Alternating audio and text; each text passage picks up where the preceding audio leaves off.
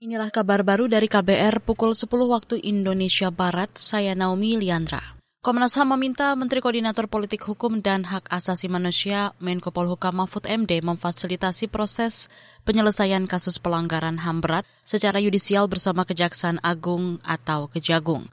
Komisioner Komnas HAM Abdul Haris Mendawai menilai keterlibatan pemerintah diharapkan dapat mendorong proses hukum penyelesaian kasus pelanggaran HAM berat. Selama ini koordinasinya antara Kejaksaan Agung dengan Komnas HAM ya, tanpa ada keterlibatan dari Kemenko Polhukam gitu atau dari pemerintah. Nah inilah yang kita harapkan. Uh, yang perlu juga dilakukan adalah bagaimana membangun mekanisme kerja antara Komnas HAM dengan Kejaksaan Agung. Karena memang ini suatu model penanganan kasus pidana yang berbeda.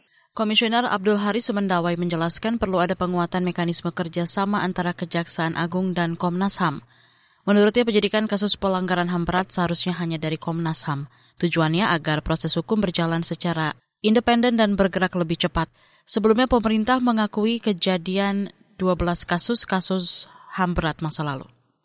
IHSG hari ini dibuka melesat ke level 6.629 pada sesi 1 atau naik 0,51 basis poin dibanding penutupan se sebelumnya. Data RTI mencatat 73 lebih juta saham telah diperdagangkan dengan nilai perdagangan 172 miliar. Frekuensi perdagangan baru mencapai 5.600-an transaksi. Terdapat 85 saham naik, 49 saham terkoreksi, dan 112 saham stagnan. Penguatan juga terjadi pada nilai tukar rupiah.